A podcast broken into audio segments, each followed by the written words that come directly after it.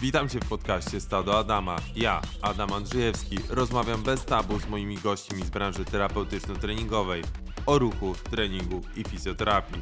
Serdecznie zapraszam. Moim dzisiejszym gościem jest Dawid Mieczkowski. Cześć, witam.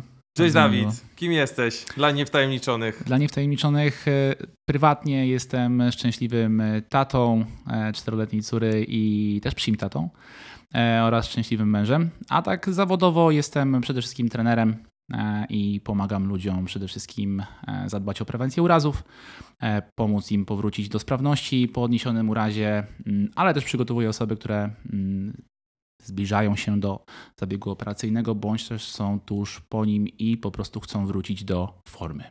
Czyli jesteś takim lepszym trenerem personalnym? Nie chcę powiedzieć lepszym. No Może nieco bardziej innym. zaawansowanym. Wiesz co, ja myślę, że to perspektywa będzie decydowała o tym, czy ktoś jest bardziej zaawansowany, czy nie, bo równie dobrze można powiedzieć o zaawansowanym trenerze w kontekście sylwetkowym, który na przykład prowadzi zawodników e, sylwetkowych, a nie zajmuje się generalną populacją, e, z, którymi, mm, z którą pracuje nad plażową sylwetką. Więc myślę, że tutaj perspektywa będzie o tym decydowała. Jestem trenerem, no staram się robić po prostu dobrą robotę i pomagać realizować konkretne cele ludzi. W tym przypadku, w moim przypadku są to takie, o jakich właśnie powiedziałem, czyli chociażby przygotowanie do zabiegu czy powrót do formy po nim. A uważasz, że to jest rola trenera, a nie fizjoterapeuty? I ja uważam, że na dzień dzisiejszy e, trener bardzo dobrze uzupełnia zawód fizjoterapeuty, ponieważ e, myślę, jak też dobrze wiesz i zauważasz, e, jest duża część fizjoterapeutów, którzy przykuwają uwagę przede wszystkim do pracy mm, manualnej, terapii pasywnych, mniej wiedzą o ruchu. Absolutnie nie jest to zarzut w ich kierunku, ponieważ no, pracują w pewnym systemie edukacji i myślę, że to wynika stąd, więc y, ja zawsze podchodzę do tego bardziej właśnie systemowo i staram się w pierwszej kolejności zwrócić uwagę na pewne braki, błędy na tym poziomie, a dopiero potem ewentualnie przynosić winę na ludzi. E, I w tym przypadku myślę, że tak jest, chociaż e, aktualny stan wiedzy, dostępnych szkoleń jest na tyle szeroki, że i ci, którzy są powiedzmy w jakiś sposób skrzywdzeni tym systemem, spokojnie mogliby, mogliby te braki nadrobić. Mm, Ale generalnie mm, uważam, że trener na dzień dzisiejszy jest świetnym uzupełnieniem fizjoterapeuty. Mm, W wielu miejscach tak to działa, że powiedzmy fizjo bardziej zajmuje się tą częścią e, terapii pasywnych, manualnych, masażem. Natomiast trenerzy zwykle są nieco bardziej kompetentni w kontekście ruchu. A jak wyglądała Twoja droga do etapu, w którym jesteś teraz? Bo jakby nie patrzeć, wyszedłeś z trenera personalnego, takiego podstawowego, czyli po podstawowym kursie trenera personalnego, czyli Mhm. dociążanie, czyli trening siłowy typu podstawowe formy ruchowe, Hmm. do trenera za, może nie tyle zaawansowanego, wyspecjalizowanego medycznego. Jak to wyglądało? To znaczy tak, zdecydowanie wychodziłem z trenera personalnego. Myślę, że tak jak większość trenerów, no bo jest to chyba taki naturalny po prostu tok rozwoju edukacji w tym kierunku. Natomiast czy to był trener od treningu siłowego? Nie powiedziałbym. Ja myślę, że większość kursów, a przynajmniej wtedy, kiedy ja taki zdawałem, mm, to był jednak trening bardziej oparty o aspekty sylwetkowe. Bo oczywiście no, tam ten parametr siły też się pojawia, ale czy to jest e, podstawa? Myślę, że tam bardziej e, było to związane jednak z tymi zmianami sylwetkowymi, e, a nie budowaniem takich kompetencji jak siła, wytrzymałość czy też moc. A jak to się pokryło z tym Twoją ścieżką, która jest teraz?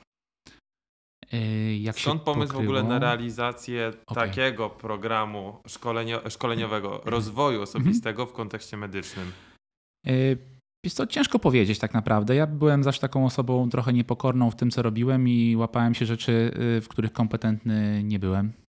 Mm, I dzisiaj się na to oczywiście uśmiecham, aczkolwiek wiem, że wtedy mogło to mm, jakby mm, źle rezonować y, na przyszłość, y, ponieważ no, krótko mówiąc, mogłem zrobić komuś krzywdę, nie wiedząc generalnie, jak postępować z taką osobą. Natomiast myślę, że większość trenerów na samym początku swojej ścieżki trochę tak ma, że bardzo chce mieć przy sobie klienta, chce mieć źródło dochodu i w sumie niezależnie z czym taka osoba do danego trenera trafia, to on się tej pracy podejmuje. I ze mną było nie inaczej. E, I dzisiaj absolutnie bym tego tak nie zrobił, aczkolwiek myślę, że to, te doświadczenia mnie zbudowały w, mm, do takiej formy, w jakiej e, pracuję dzisiaj. e, i dlatego mogę o tym spokojnie powiedzieć. Bardziej na zasadzie przestrogi dla trenerów początkujących, żeby jednak tego nie robili. Ale to był taki impuls, że trafił ci się ciężki przypadek i stwierdziłeś, że kurde, muszę coś z tym zrobić? To była trochę chęć pomocy i sprawdzenia się. Nie będę ukrywał. Natomiast no, to też był dla mnie taki bodziec, że fajnie by było w tym kierunku się po prostu rozwijać. E, I na dzień dzisiejszy uważam, że zrobiłem dobrze, że chciałem się w tym kierunku rozwijać. E, bardzo szanuję trenerów, którzy pracują sylwetkowo. Natomiast y, hmm, nie wiem, czy to nie jest trochę tak, że ja lubię widzieć trochę takiej swojej sprawczości. E, I o ile w treningu sylwetkowym myślę, że od tego treningu zależy zdecydowanie mniej, inaczej, uważam, że w treningu sylwetkowym rola trenera jest zdecydowanie mniejsza niż w przypadku treningu medycznego, rehabilitacji, nazwijmy to jak chcemy, ale w takiej pracy mm, po na przykład zabiegach gdzie jednak muszę wykazywać się nie tylko wiedzą dotyczącą programowania treningowego, ale przede wszystkim wiedzieć o pewnych rzeczach, na które muszę zwrócić szczególną uwagę, żeby po prostu pewnych rzeczy nie skiepścić. Nie skiepścić, ale to w takim razie, bo o Twoim egzaminie w Black Roll Terapii, który zdawałeś z krążą legendy, każdy kursant od początku wie, że był taki ktoś, kto będzie na terapii w roli prowadzącego szkoleniowca, który też był na terapii i był jedynym, e, jedyną osobą, która miała przykład klienta, e, tudzież pacjenta, który e, przekazywał symptomy problematyczne, które były czerwoną flagą dla nas. Mhm. Teraz jesteś w roli szkoleniowca w tym samym miejscu. Jak się z tym czujesz? Że jestem szkoleniowcem w, w tym miejscu, samym w którym... miejscu. Jakby, mm, mm jakby, wiesz co, nie chcę powiedzieć, że to jest spełnienie marzeń, bo zawsze apetyt rośnie w miarę jedzenia i tak jak wtedy bym powiedział, wow, super. E, I nadal e, jakby jestem oczywiście z tego zadowolony i bardzo wdzięczny Michałowi i Karolinie, że przede wszystkim mi zaufali i zobaczyli we mnie osobę, która mimo no, niewielkiego doświadczenia tak naprawdę jest w stanie stanąć przed tą grupą, której sam jeszcze niedawno się znajdował i przekazywać po prostu e, wiedzę.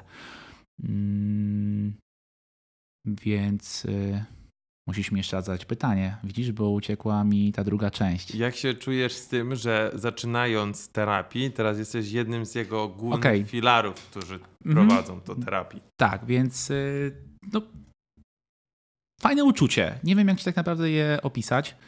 Yy, tak jak już wspomniałem, to na pewno nie jest w tym momencie absolutnie spełnienie marzeń, bo tak jak powiedziałem, apetyt rośnie w miarę e, jedzenia. Natomiast jest tu super uczucie, że właśnie z roli kursanta jestem teraz szkoleniowcem i osoby, które mnie uczyły, stoją teraz ze mną po prostu ramię w ramię, e, co absolutnie nie oznacza, że nie wiem, traktuję siebie na równi z nimi pod kątem doświadczenia czy wiedzy, bo absolutnie tak nie jest dla mnie. Nadal to są moi nauczyciele, moi mentorzy e, i ja bardzo lubię pojawić się na szkoleniach, podczas których chociażby Mariusz, Filip, czy też inne osoby, Piotrek Kostrzemski, prowadzą swoje szkolenia poza na przykład Blackrollem, albo nawet w Blackrollu i pojawić się na nich jako wolny słuchacz, bo ja bardzo lubię ich słuchać i ja też wiem, że od nich mogę cały czas się uczyć, bo są specjalistami e, no, wybitnymi uważam. Mm, I też pracują troszeczkę inaczej niż ja, więc fajnie te horyzonty e, poszerzać, ale też uczyć się innych rzeczy. Chociażby tego, jak oni przekazują swoją wiedzę kursantom, bo to dla mnie w tym momencie jest także bardzo ważna rzecz. Uczyć się właśnie przekazywać tą wiedzę. Nie tylko wiedzieć, nie tylko posiadać tą wiedzę, e, nową wiedzę, ale też umieć ją przekazywać, bo myślę, że to jest dużo ważniejsza cecha, która wyróżnia dobrego szkoleniowca od posiadania samej wiedzy. Żeby umieć przekazywać ją. Dokładnie tak. Właśnie w kontekście tego, co powiedziałeś, czyli stopniowego zwiększania swoich kompetencji, niedawno zostałeś trenerem przygotowania motorycznego. Mhm. Dlaczego? To jest kolejny twój etap, czy to jest jakby kolejna rzecz, do której się rozgałęziasz?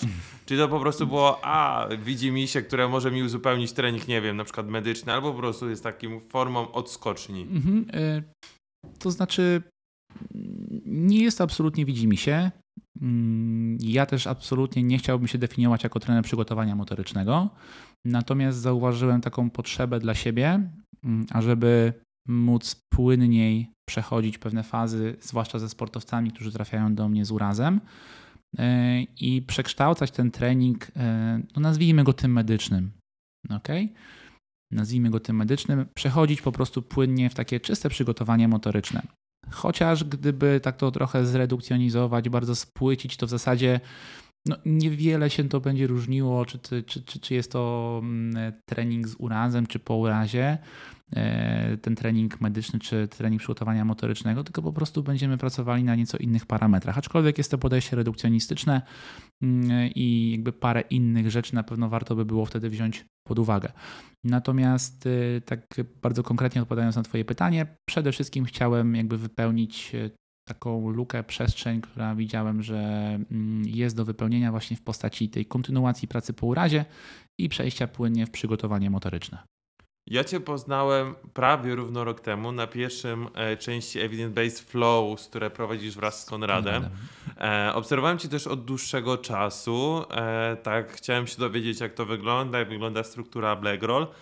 A skąd to EBF? Jak to wygląda? Czym wy się zajmujecie? Sam byłem uczestnikiem, ale mhm. wiem, że z kolejnych etapów już są, a wiem, że będą jeszcze kolejne. Tak. Jakby przede wszystkim chcemy pokazać ludziom trochę więcej wariantów ruchu niż mogą mm, niż mogą wykorzystywać to w takim klasycznym treningu, w klasycznym rozumieniu tego treningu, czyli po prostu treningu siłowego nie wiem, czy zwróciłeś uwagę, ale bardzo często jest tak, że jako trenerzy teraz y, bardzo chcemy zachęcać ludzi do ruchu. Ale ruchu tylko i wyłącznie w kontekście treningu siłowego z reguły.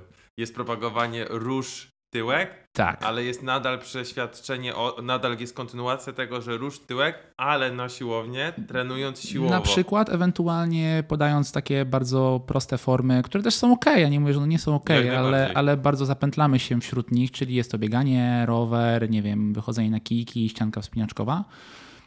Natomiast jest tego dużo więcej i my chcemy pokazać właśnie te możliwości, które płyną z tych innych form ruchu a przy okazji pokazać, że one także będą się świetnie sprawdzały jako forma po prostu screeningu. Na przykład, jeżeli mówimy o naszej pierwszej części e, Evidence-Based Flow, czyli e, jak czytać ruch. Tak, żeby gdzieś tam troszeczkę wychodzić z tych sztywnych ram testów, często izolowanych, co myślę, że jak myślę teraz już sam doskonale wiesz, one nie zawsze będą takim rzetelnym obrazem tego, co się może z nami dziać. Mm, I też chciałbym, żeby to wybrzmiało. Absolutnie nie jestem przeciwnikiem testów izolowanych. Żeby było śmieszniej, sam je przedstawiam e, między, innymi, między innymi na EBF-ie też, ale przede wszystkim e, podczas Black Roll Screening. Mm, natomiast my chcemy pokazać, że są rzeczy uzupełniające się i czasami te testy izolowane mogą służyć po prostu dla potwierdzenia naszej e, hipotezy, którą przyjęliśmy podczas takiego właśnie typowego ruchowego screeningu. Okej, okay, a na ile screening przedtreningowy ma sens?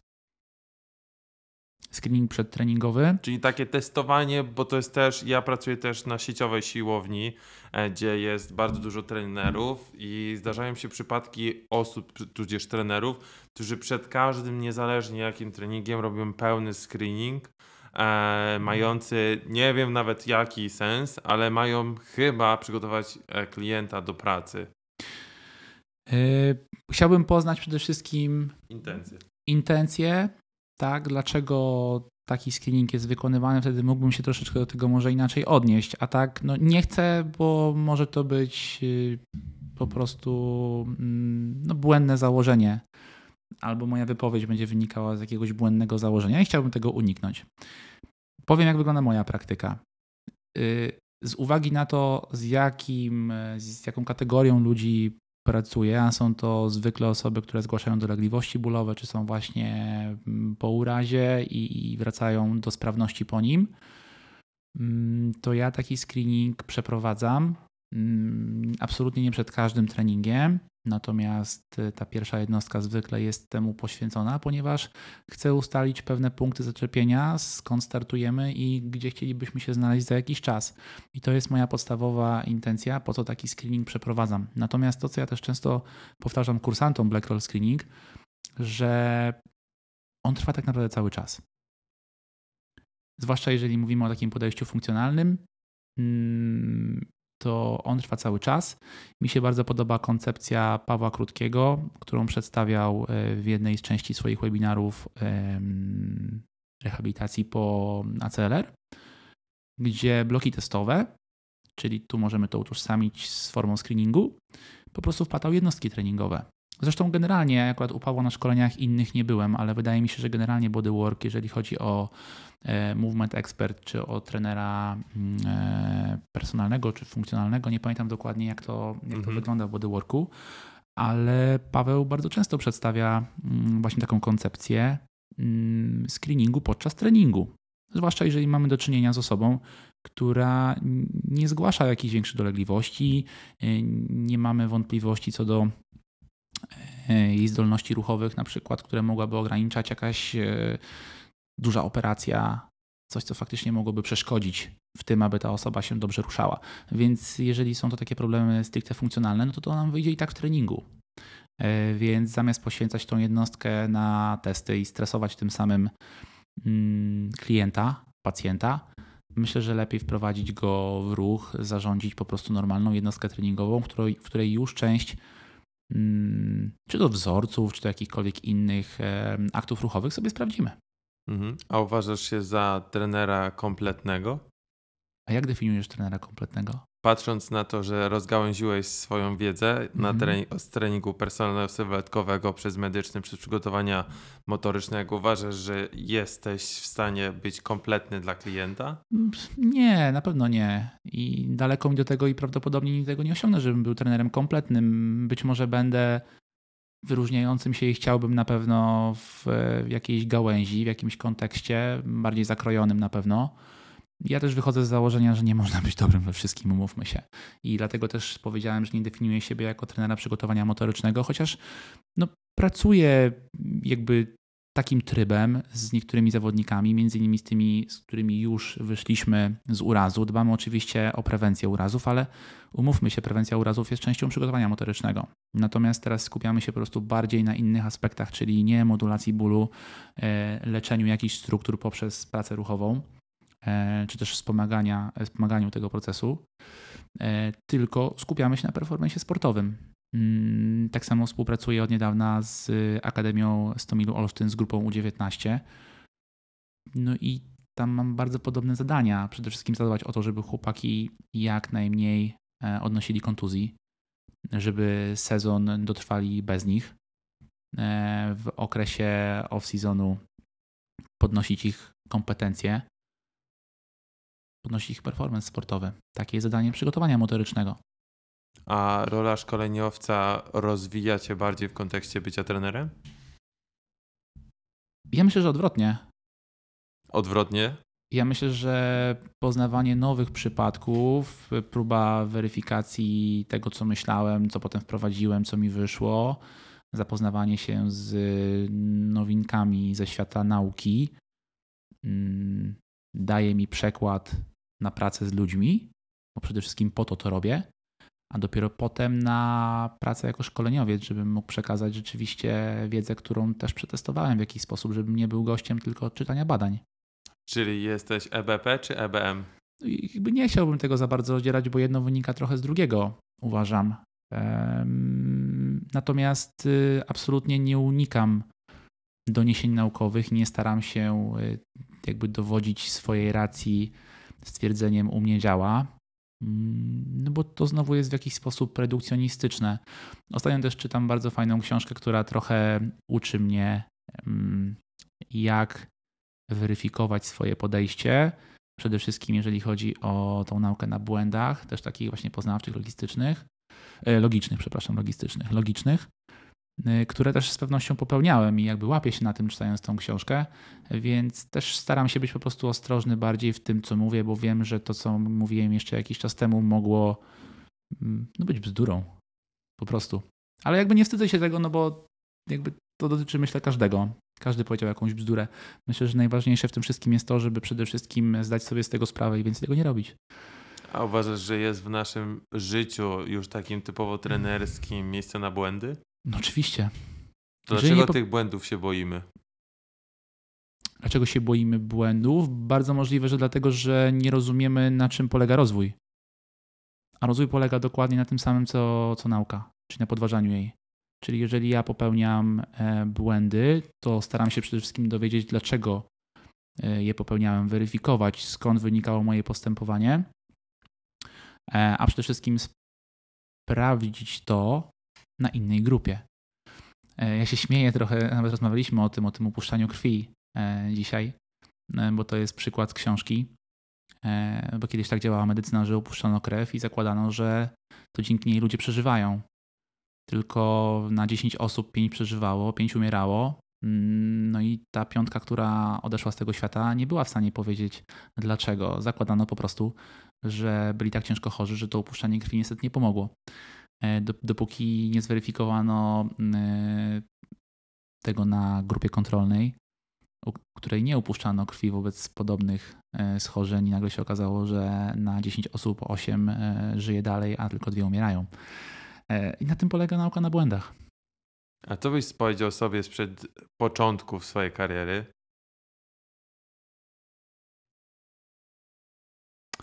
Mm, chciałem, jakby pierwsza myśl to była pokora, natomiast myślę, że to by było złe słowo, bo ja nie uważam, żebym był niepokorny, e, tylko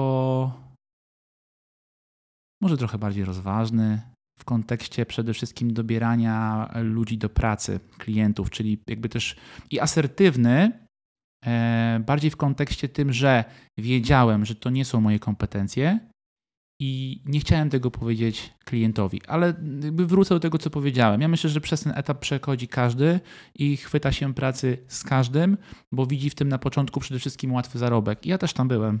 Oczywiście, że tak. Znaczy chyba obłudny jest ten, kto powie, że tam nie był albo tego nie robił. Oczywiście, że tak. Oczywiście, że tak.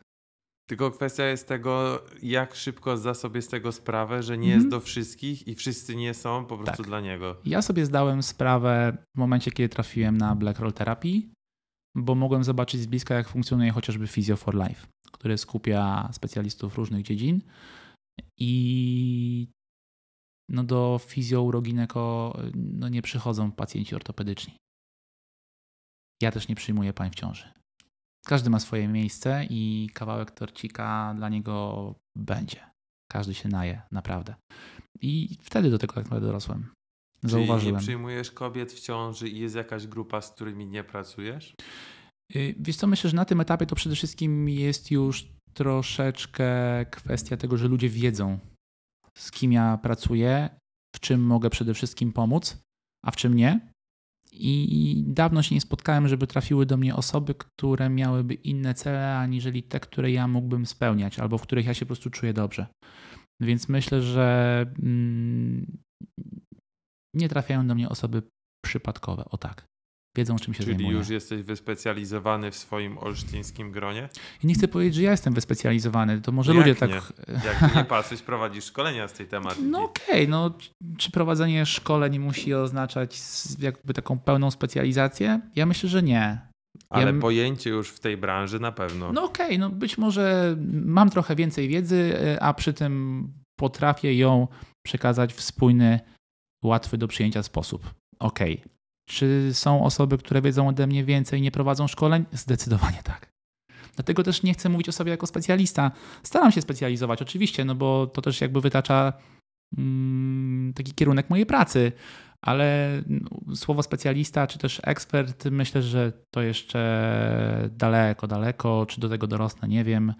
Czy posiądę taką wiedzę, którą też będę potrafił przekładać na praktykę, nie wiem. Chciałbym, to jest kierunek, ale absolutnie nie napalam się na to i nie chcę się tak definiować. Jeżeli ludzie tak uważają, to bardzo mi miło.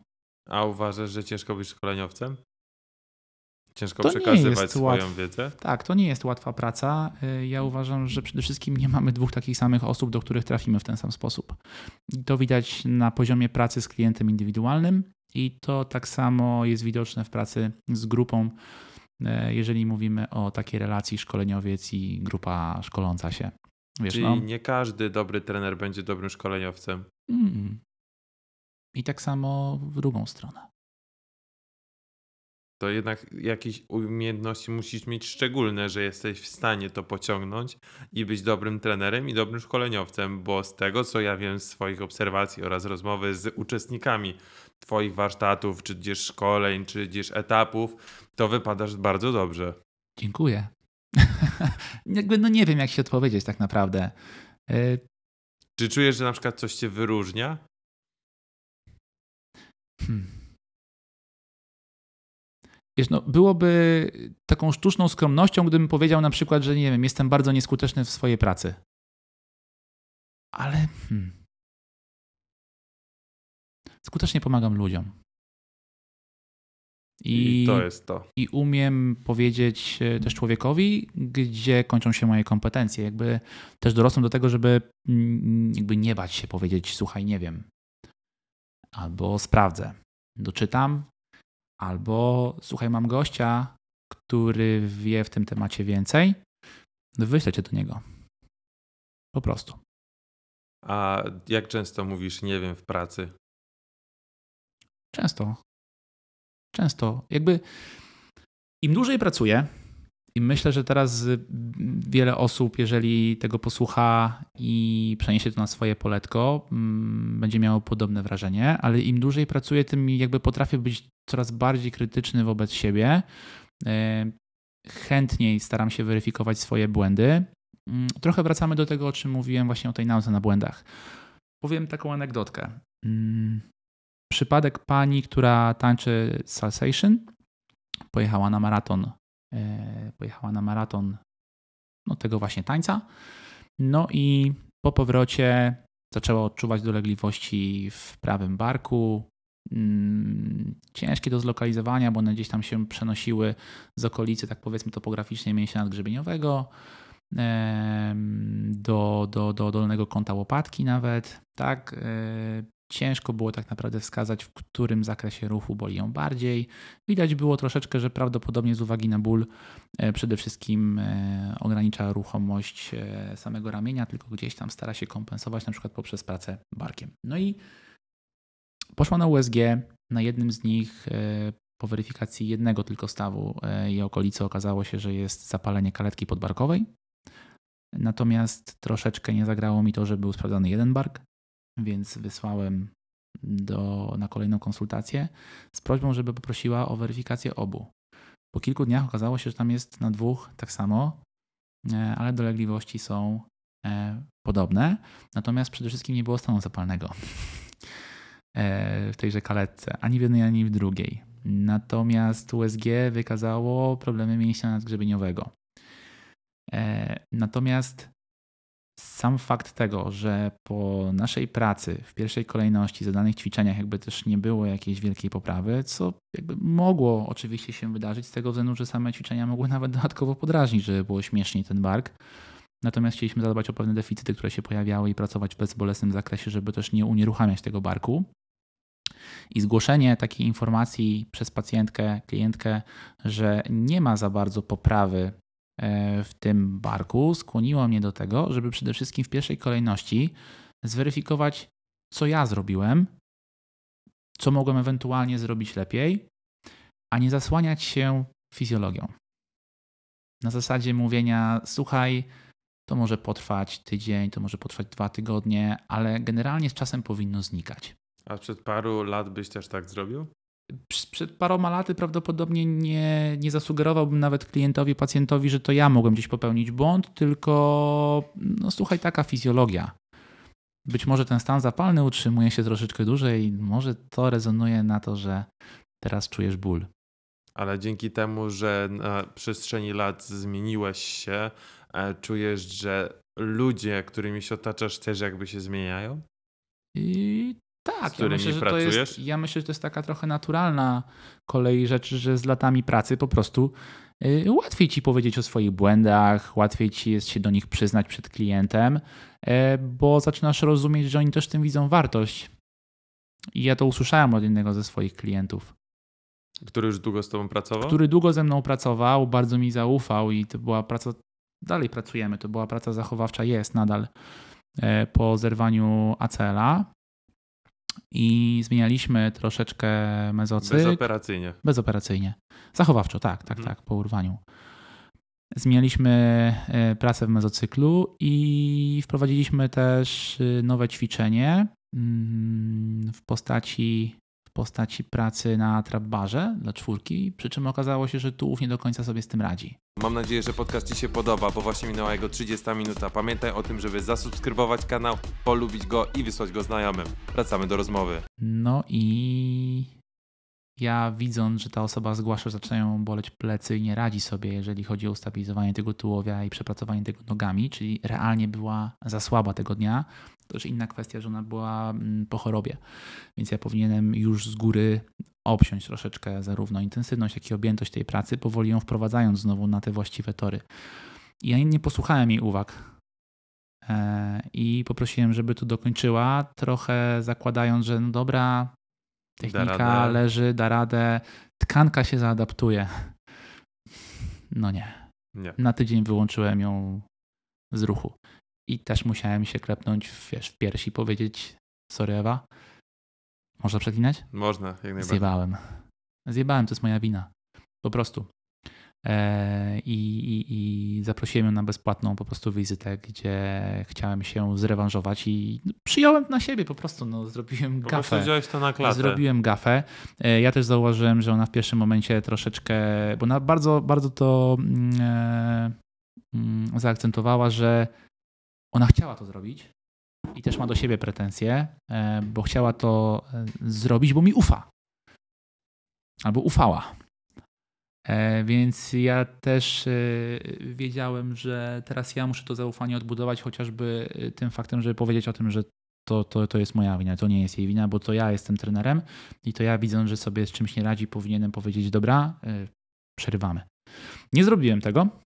Wyszło jak wyszło i jakby mm, to może głupio zabrzmi, cieszę się, że tak wyszło. Że tak wyszło. E, Oczywiście nie cieszę się z powodu tego, że Ewa musiała przez tydzień cierpieć, e, ale cieszę się, że ja z tego też mogłem wyciągnąć jakąś lekcję. Po prostu. Jesteś fizjoterapeutą, Nie? a dlaczego ludzie postrzegają Cię jako fizjoterapeutę? Nie wiem. Nie, nie miałeś nigdy sytuacji, że ludzie... Miałem. I jak na to reagowałeś? Mówię, że nie jestem fizjoterapeutą, jestem trenerem, który po prostu czasami pracuje z nieco trudniejszymi przypadkami. Nie są w szoku? Nie. Bo jest to dosyć częsty objaw, na przykład ja bardzo często to widzę u siebie w Mhm. swojej pracy, że ludzie podchodzą do mnie e, z pytaniem, na przykład gdzie robiłem fizjoterapię i tak dalej. Ja mówię, że nie, ja nie skończyłem, nie miałem możliwości, nie chciałem zbytnio, może nie tyle co marnować czasu, co po prostu nie miałem możliwości, żeby pójść na fizjoterapię i są bardzo często w szoku. Mm. Ja się uśmiecham, no cieszę się, tak, bo mm, z jednej strony mówimy trochę o dwóch różnych zawodach, z drugiej strony jednak częścią pracy fizjoterapeuty jest kinezjoterapia, czyli praca ruchowa e, i te umiejętności pracy z jakimiś jednostkami, mm, które opierają się o pracę ruchową przede wszystkim, no, powinni z nimi być e, bardzo dobrze zaznajomieni. E, A jeśli nie bardzo dobrze, to chociaż trochę i dokształcać się w tej kwestii, bo no, umówmy się, nie o wszystkim usłyszą na studiach, ale w tym kierunku powinni iść, nie idą i może z tego wynika troszeczkę mm, czasami to zdziwienie wśród ludzi. Wiesz, no ja też nie pracuję na przykład manualnie, z czym fizjoterapeuta jest bardzo mocno kojarzony, aczkolwiek no zdarza się faktycznie, że jakby pytają o to, czy jestem fizjoterapeutą. Natomiast czy są w szoku? Nie, ja Mhm. też staram się bardzo mocno mm, nie tyle co zacierać różnice, ale trochę łagodzić te, te ewentualne zdziwienie, które może się e, pojawić. I nie chcę też tworzyć aury wokół tego spotkania, że teraz jesteś tutaj na treningu medycznym, e, jesteś osobą ciężko chorą i teraz będziemy tutaj machać nóżką po to, żeby było lepiej. Nie, ja mówię im o treningu. Mówię im o treningu z tego względu, że dla mnie ma to dużo bardziej pozytywny wydźwięk niż rehabilitacja. E, Aczkolwiek czasami, żeby wyjaśnić komuś, y, czym się zajmuję, to mówię o czymś takim jak trening rehabilitacyjny. Bo to trochę, troszeczkę wydaje mi się lepiej trafia do ludzi niż trening medyczny. Trening rehabilitacyjny, czyli jest to nadal proces rehabilitacji, który opiera się o formę kinezyterapii. Po prostu. Czyli część ruchową. Mhm. A jest to nieodłączny element, uważam, no niemal chyba każdego procesu rehabilitacji. Niezależnie w jakim, w jakim przypadku e, on występuje.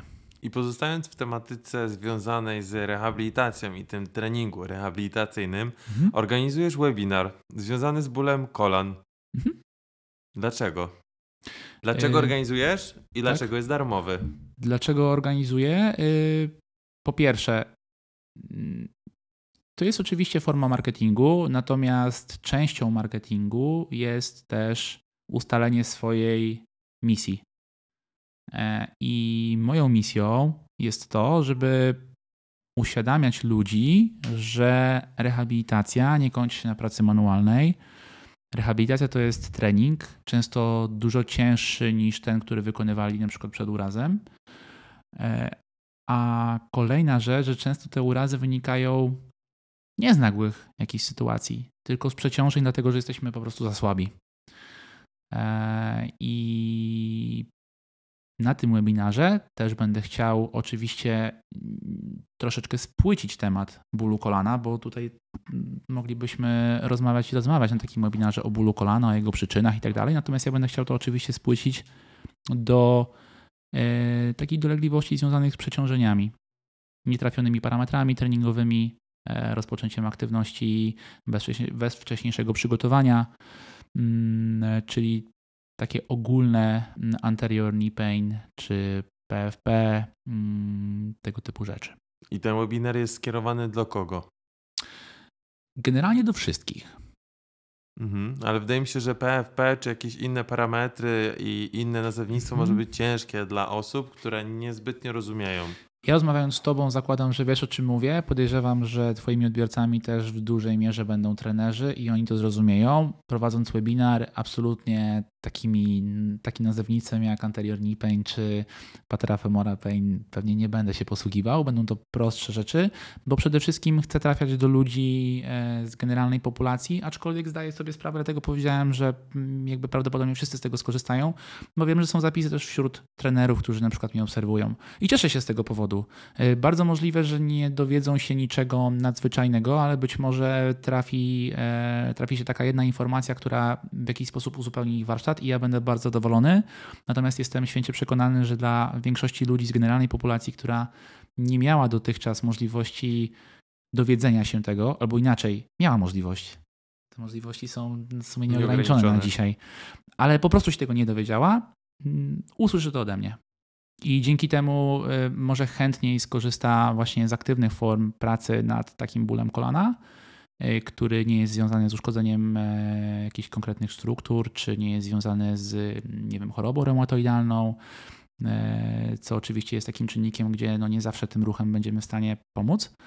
Mm, ale dla dużej większości uważam, że ten webinar dużo da. Webinar jest skierowany do populacji ogólnej. Zgłaszają się trenerzy, zgłaszają się osoby z populacji ogólnej, czyli osoby rekreacyjnie trenujące na siłowniach, a ty zyskujesz tylko i wyłącznie to, że masz możliwość kontaktu, ewentualnej pracy z takimi osobami, kontekście długofalowych, ewentualnie współprac i tym podobnych. I ja na przykład osobiście uważam, że takie projekty są mega istotne i bardzo ważne i ludzie powinni tym bardziej z tego korzystać, bo problem jest w tym, że nomenklatura jest bardzo specyficzna. Mhm. Jak wejdziesz sobie na Instagrama, to masz bardzo duży rozstrzał, jeśli chodzi o nomenklaturę związaną z bólem kolana, wyskakują kolana skoczka, ko tak. kolana inne związane. Ludzie tego nie rozumieją. Mhm. Przedstawienie w tego w takiej formie formie, jak już rozmawialiśmy wcześniej, bardzo prostej, płynnej, będzie naprawdę, wydaje mi się, kluczowa. To dlatego pytanie do ciebie, dlaczego my tak sobie utrudniamy? Wiesz co, ostatnio ktoś taką dyskusję chyba na Instagramie poruszał. Ja myślę, że to jest taka próba budowania mm, wizerunku eksperta. Nie widzę w tym niczego złego, tylko mm, rzecz jest w tym, że bycie ekspertem nie oznacza bycie albo próbowanie bycia niezrozumiałym dla większości. Bo to trochę tak wygląda. Staramy się używać trudnych słów, żeby w jakiś sposób zainteresować. E, tylko pytanie, co dalej po tym zainteresowaniu się dzieje. Ja myślę, że bycie ekspertem to jest bycie też wpływowym, jeżeli chodzi o posiadanie nowej wiedzy dla osób, które tego eksperta w jakiś sposób obserwują, śledzą. I nie są potrzebne tam trudne słowa. Ja też się tego uczę. Uczysz się tłumaczyć trudne słowa? Nie tyle, co mówi, czy nie, nie tyle, co tłumaczyć trudne słowa, co trudne rzeczy tłumaczyć w bardzo prosty sposób. Używając różnych e, analogii. Oczywiście to będą często uproszczenia. Redukcjonizm e, total, bardzo. E, pytanie, z kim rozmawiam. To też jest dla mnie ważne. E, czyli jeżeli rozmawiam z trenerem, to tych analogii takich z życia wziętych może być mniej. Postaram się po prostu w prosty sposób, ale na podobnym poziomie języka wytłumaczyć, e, tak żeby to też nie było właśnie zbyt redukcjonistyczne. Ale jeżeli przychodzi do mnie osoba Kowalski, to staram się jednak troszeczkę jak z dzieckiem Znaczy, my też nie musimy, patrząc w kontekście mnie, jako osoby na przykład w tym momencie Kowalskiego, ja nie muszę mieć pojęcia o tym, co ty robisz. Ja tylko przychodzę na przykład po produkt, czyli przy moim produktem jest to, żebym czuł się sprawny. Tak, natomiast ja uważam, że jednak ten czynnik edukacji jest również bardzo istotny i jestem za tym, żeby mówić pacjentom, co im jest, tłumaczyć pewne mechanizmy, klientom, pacjentom, bo jest to właśnie, tak jak wspomniałem, część edukacji uważam bardzo istotna, choćby w kontekście tego, że, żeby zrozumieli na przykład, jaka praca ich czeka, albo jak to zaopatrzyć. Tylko żeby to wytłumaczyć w tak prosty sposób, przystępny dla nich, żeby to nie powodowało kolejnych problemów, bo pan użył bardzo ciężkich słów, Mhm. które spowodowały tak, że ja już się czuję trzy razy bardziej chora. Tak, tak. Jakby no, podejrzewam, że nawet w próbie tego prostego wytłumaczenia te trudne słowa się czasami będą musiały pojawić, chociażby jeżeli mówimy o jakimś nazewnictwie konkretnej jednostki chorobowej, tak? Natomiast jeżeli chodzi o mechanizmy, myślę, że tutaj można to bardzo mocno upraszczać. Czyli wiemy, że już musimy się zapisać na webinar, że każdy musi być uczestnikiem i żeby wspierać takie projekty, które sam wspieram, sam udostępniam. Ja bardzo zachęcam, ja bardzo zachęcam yy, i świadomie mówię, że jeżeli oczekujecie tam yy, niezwykle bogatej wiedzy, to tego się na godzinnym webinarze zrobić nie da. Inna kwestia to ta grupa docelowa, to właśnie generalna populacja, więc trenerzy myślę, że zyskają e, na tym, że posłuchają ewentualnie w jakiś sposób. Prostego e, języka. Tak, jak prostym językiem będę starał się po prostu mówić. Prostym językiem po prostu. Po prostu. To samo z siebie płynie, Tak. tak. E, Jakim językiem prostym będę starał się mówić, ale może będą też trenerzy, którzy są na początku swojej drogi, którzy nie mają jeszcze tej świadomości e, tego, co z tym kolanem się może dziać, i czasami jak proste rzeczy mogą się dziać, i jak proste narzędzia e, mogą wpływać na to, że to kolano będzie funkcjonowało lepiej. Aczkolwiek oczywiście znowu kontekst, to zależy, także miałoby tu swoje e, miejsce, ale o tym to zależy, będę mówił już na webinarze, albo bardziej wykluczał to, o czym nie chcemy mówić i co, czego nie będę poruszał, może tak. Z tego co wiem, to pracujesz też indywidualnie z trenerami w kontekście mentoringu. Mhm. Czyli co to jest takie? To są takie lepsze szkolenia jeden na jeden, to są szkolenia, e, to są osoby wyciągnięte ze szkoleń. Jak to wygląda u ciebie? Nie chciałbym mówić wyciągnięte ze szkoleń, bo to brzmi trochę jak takie, słuchaj, jesteśmy na szkoleniu, to tu masz taką ofertę. Nie, Tak. nie robię oferty podczas y, szkoleń, które prowadzę dla innych szkół. Nie, żeby to tak nie, nie wyglądało. Yy, mentoring. Wiesz, czym, jaka jest definicja mentoringu? Nauczania, Mhm. czyli praca z mentorem. Tak. Natomiast tu jest też ważna kwestia relacji. To jest relacja partnerska, a nie e, na zasadzie uczeń i mistrz. Albo inaczej, to może być uczeń i mistrz, tylko w partnerskiej relacji. Nazwijmy to tak. Czyli nie chcemy podczas takiego mentoringu przede wszystkim, e, jak to fajnie ująć słowa. Chcemy, żeby to była bardzo koleżeńska atmosfera i wymiana doświadczeń z naciskiem na to, że ja przekazuję być może nieco bogatszą wiedzę, doświadczenie osobie, która jest na troszeczkę wcześniejszym etapie, ale traktujemy się bardzo równo. Czyli ja nie mówię zrób tak, tak, tak i tak, tylko mówię słuchaj, to, to co robisz jest całkiem ok, spróbuj zrobić to i to. Mhm. Ta osoba stara się to wprowadzić, sprawdza, zdaje mi raport i sprawdzamy, czy to działa. Dla tego, dla tego przypadku. Czyli generalizując, staram się po prostu rozwiązywać problemy trenerów, którzy napotykają takowe w swojej pracy, Yy, czy to wynikające po prostu z braku wiedzy, mm, czy to może z braku pewności co do tej wiedzy i zaaplikowania jej w praktykę. Czy to jest taka lepsza forma kontaktu z prowadzącym, rozwojowa? Jest to jeden na jeden, więc y, ja uważam, że fajnie jest mieć w ogóle mentora w życiu, w różnych płaszczyznach, nie tylko na poziomie treningu, ale czy to biznesu, czy to w sferze psyche, mentalnej. Jest to super rzecz. E, myślę, że nie wiem, oglądający, słuchający nas nieraz korzystali z porad na przykład psychoterapeuty i to jest też forma takiego trochę mentoringu, tylko na innej płaszczyźnie, tak? Eee, więc, więc jakby uważam to za bardzo fajną formę nauczania, natomiast nie chciałbym mówić, że to jest jakieś jakby zastępstwo szkolenia, bo tu staram się rozwiązać konkretny problem w pracy. Szkolenie jednak ma to do siebie, że jadę po nową wiedzę, którą także mogę zaaplikować, tylko może być tak, że pojadę na szkolenie, które absolutnie nie zagospodaruje tych problemów, które ja mam obecnie z moimi klientami. Być może w przyszłości to wykorzystam. Mentoring jest trochę na zasadzie tu i teraz. To jest takie szkolenie na zawołanie, nazwijmy to, nie? Mhm. Emergency e, call. tak, to jest taki, taki, e, taki mm, Uber z problemami. No nie, przyjeżdża do ciebie e, zamiast Uber Eats e, jakiś... Uber Dawid. Uber, Uber Dawid, który po prostu stara się podpowiedzieć, co może zrobić w tym danym przypadku. Więc skuteczność tej formy, myślę, po prostu jest dużo wyższa z tego względu, że celuje ona w konkretne problemy. Jesteś inspiracją dla wielu osób. Tutaj nie ma co ukrywać. Skąd dużo... wiesz? No jednak mam możliwość pracy z tymi młodszymi trenerami, mam osobę też, e, możliwość rozmowy z osobami, które przychodzą do mnie na warsztaty, czy gdzieś się tam mhm. kontaktujemy. Hmm i faktycznie dużo osób też o tobie wspomina i też rozmawiamy w kontekście nawet rozwoju dalszego. I takich osób bardzo często się jest zastanawianie, jak to było wcześniej. Czy masz na przykład coś takiego, co sobie przypominasz, albo może inaczej, czy przypominasz sobie swój największy błąd w karierze? Mhm. Na początek bardzo miłe, co mówisz odnośnie inspiracji. Bo ja nie dostaję takiego feedbacku, dlatego tak zapytałem skąd wiesz. wiesz. Co, za, za, e, mam wrażenie miłe, takie, że tak po prostu my nie lubimy mówić dobrych rzeczy, więc Ludziom, uważam, mm, tak, jest tak. coś w tym, a szczególnie w naszej branży, może nie tylko w naszej, bo to wszędzie jest, ale takie relacje, żeby powiedzieć komuś coś dobrego jest bardzo ciężkie. Zamiast docenić, pokazać, powiedzieć, nawet na tych wysokich szczeblach jest z tym problem. Mhm, bardzo możliwe, bardzo możliwe, ale to miło, że dobrze się o mnie mówi. E, doceniam. Eee, największy błąd. Muszę się zastanowić.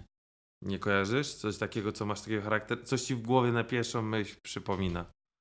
Znaczy, wiesz co, pierwsza myśl to mm, uważam ta sytuacja, o której wspomniałem, czyli praca z Ewą i, i to, że jej po prostu nie posłuchałem yy, i nie zareagowałem w odpowiednim momencie i w odpowiedni sposób.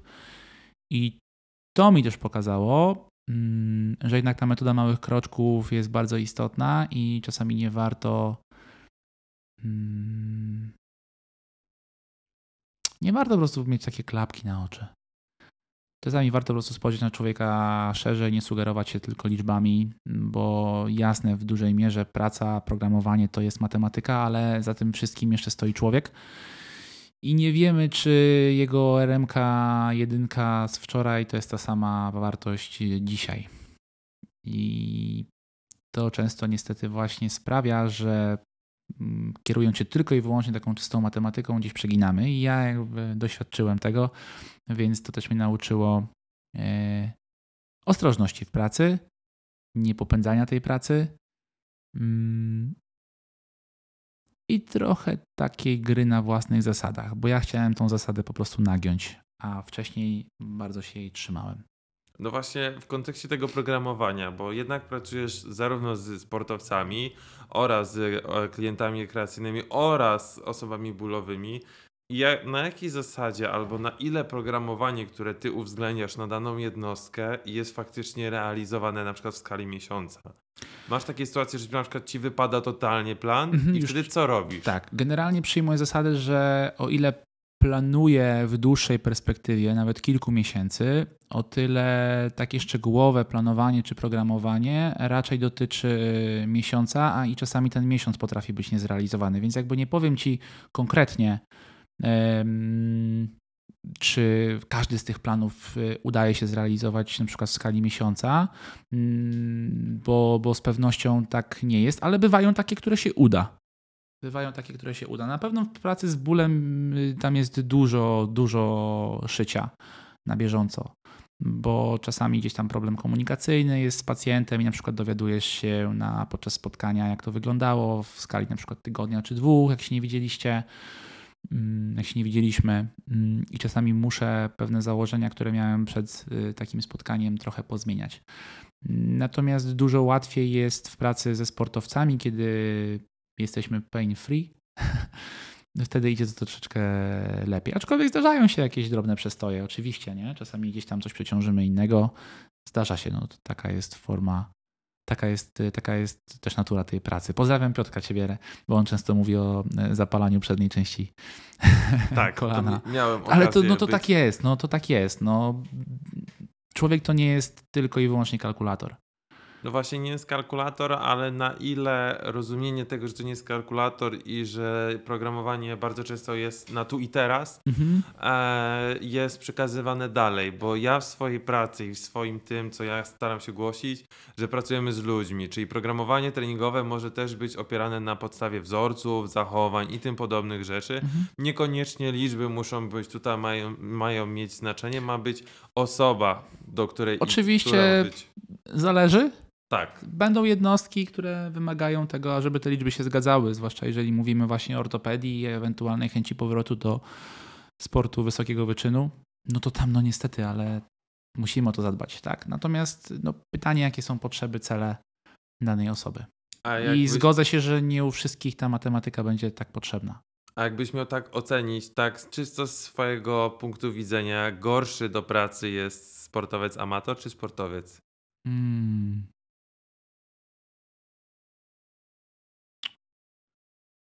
Co, nie wiem, czy będę dobrą osobą, bo nie mam też aż takiego doświadczenia. Mm, tak wielu zawodowców też nie prowadziłem, jeśli już to w ramach bardziej rehabilitacji niż przygotowania motorycznego.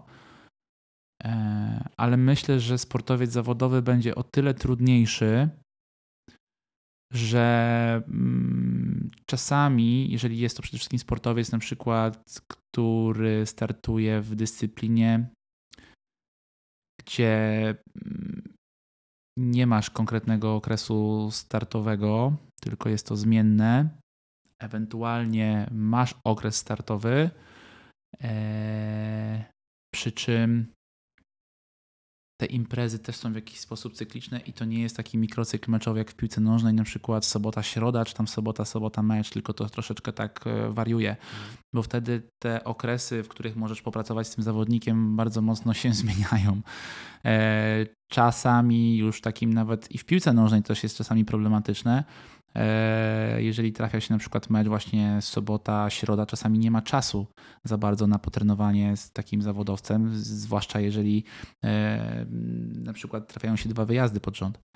E, dalekie wyjazdy, które wymagają czasami już przemieszczania się dwa dni przed meczem albo nawet dzień przed meczem, ale jeżeli są dwie, takie jednostki meczowe, to się okazuje, że nagle wypadają cztery dni z, z tygodnia, zostają ci tylko trzy. I czasem ten trening siłowy będzie najmniej ważnym elementem w tym wszystkim, czy w ogóle trening przygotowania motorycznego zwał jak zwał, to spotkanie z nami. Więc jakby w tym kontekście myślę, że ze sportowcami czasami bywa to trudniejsze. Ja mogę powiedzieć też na przykładzie żeglarstwa, bo pracuję z dwoma zawodnikami, mm, z jednym e, reprezentantem w kategoriach jeszcze młodzieżowych, natomiast to jest ta ostatnia kategoria przed, e, przed seniorami, już pływa też z seniorami czasami podczas różnych regat, mm, to to jest trochę jak w tenisie. Czyli mm. jak? Ponad pół roku poza domem. Hmm. E, okres letni, regaty za regatami. Zimą często też regaty poza Polską. E, bardzo mało czasu generalnie na, na trening. Więc jakby pod tym kątem zawodowcy będą trudniejsi, amatorzy e, będą trudniejsi pod takim kątem mm, aspektu edu edukacyjnego. Nie do końca czasami przyjmują, że parametry treningowe to nie jest wszystko. I że trzeba spać. Na przykład. I tak. jeść, i dbać o nawodnienie, i kontrolować wszystko. Tak, tak. No, nie zdają sobie sprawy, że zawodowiec jednak ten reżim mm, taki życiowy, względem sportu, który przynosi mu po prostu chleb, ma dużo bardziej zorganizowany mm, i często no, ma mniej mm, takich dystraktorów, nazwijmy to, może się skupić zdecydowanie na swoim sporcie, na, na treningu, właśnie na tym, żeby dobrze się wyspać, dobrze zjeść. Natomiast y, osoba z generalnej populacji, sportowiec, amator, często stara się trenować jak zawodowiec, a czasem ciężej, natomiast zapomina o właśnie tych postawach typu sen, nawodnienie, jedzenie. Mm, I trochę odniosę się do tego, co ostatnio też udostępniałem w mediach społecznościowych, że e, idąc za Mariuszem Dzięciołem, który też usłyszał to gdzieś, Okej. e, że trening jest tyle, tyle warty, ile regeneracja po nim. I dla generalnej populacji jest to naprawdę bardzo ważne zdanie, które fajnie by było, żeby mm, gdzieś tam w głowie zasiać. Świetnie, dziękuję Ci Dawid. Przeprowadziliśmy godzinną rozmowę, więc zbliżamy się już do końca i tak kończąc, zadając Ci już ostatnie pytanie, jakie plany na ten rok? E, Przede wszystkim zaadaptowanie się do trochę nowej rzeczywistości, kiedy po ponad dwóch latach e, nie pracuję w Physio for Life jako terapeuta ruchowy, czyli zagospodarowanie tych dwóch dni, które mam więcej w tygodniu e, na bycie w domu, na pracę z klientami w Olsztynie. E, Rozwój marki na pewno w Olsztynie, mm, z tego względu, że dotychczas trochę nie widziałem w tym potrzeby, co było oczywiście błędnym założeniem, e, bo właśnie teraz to przejście z, z takiego półwymiarowego na pełnowymiarowy e, czas pracy e, właśnie na miejscu e, utwierdza mnie w tym, że powinienem o to zadbać wcześniej. Mm, e, Tak, żeby to zagospodarowanie czasu nie było związane tylko i wyłącznie z przesiadywaniem w domu, edukacją, która też jest oczywiście ważna, ale też na pracę z ludźmi, bo jakby nie chciałbym z tego absolutnie rezygnować. I o ile mam pewne widełki godzin, jakie chciałbym poświęcić w tygodniu na pracę z ludźmi, to ona bardzo mocno e, jest związana z tym, ile też czasu chciałbym poświęcić na edukację, czy też bycie z rodziną przede wszystkim, bo tego też mi bardzo brakowało w tym okresie ostatnim. E, Więc takie są plany. Takie są plany. Świetnie. Bardzo Ci dziękuję za rozmowę, że poświęciłeś swój czas i mogliśmy sobie to nagrać. E, was zapraszam do zapisywania się na webinar Dawida, który już będzie, 2 kwietnia. Czyli już w sumie za chwilę. Na szczęście nasi Za niecałe chyba trzy tygodnie. Nasi Nie słuchacze- wiem, kiedy będziecie tego słuchać. będą słuchać za niecały tydzień, czyli u Was to będzie e, 17 marca, więc dziękuję bardzo za rozmowę. Ja też bardzo dziękuję przede wszystkim za zaproszenie, że chciałeś mnie wysłuchać i osobom, które tego słuchają, że też, jeżeli wytrwały do końca, że chciały tego wysłuchać. I mam nadzieję, że y, nie zanudzałem, mm, że powiedziałem trochę wartościowych y, treści, które będziecie po prostu mogli wykorzystać również, czy to w swojej pracy, czy to też w życiu, bo myślę, że nasza tematyka, różna tematyka y, tej, tej rozmowy jak najbardziej temu odpowiada, żeby też wyciągnąć coś nie tylko do pracy zawodowej, ale też do życia prywatnego. Dziękuję bardzo i do usłyszenia.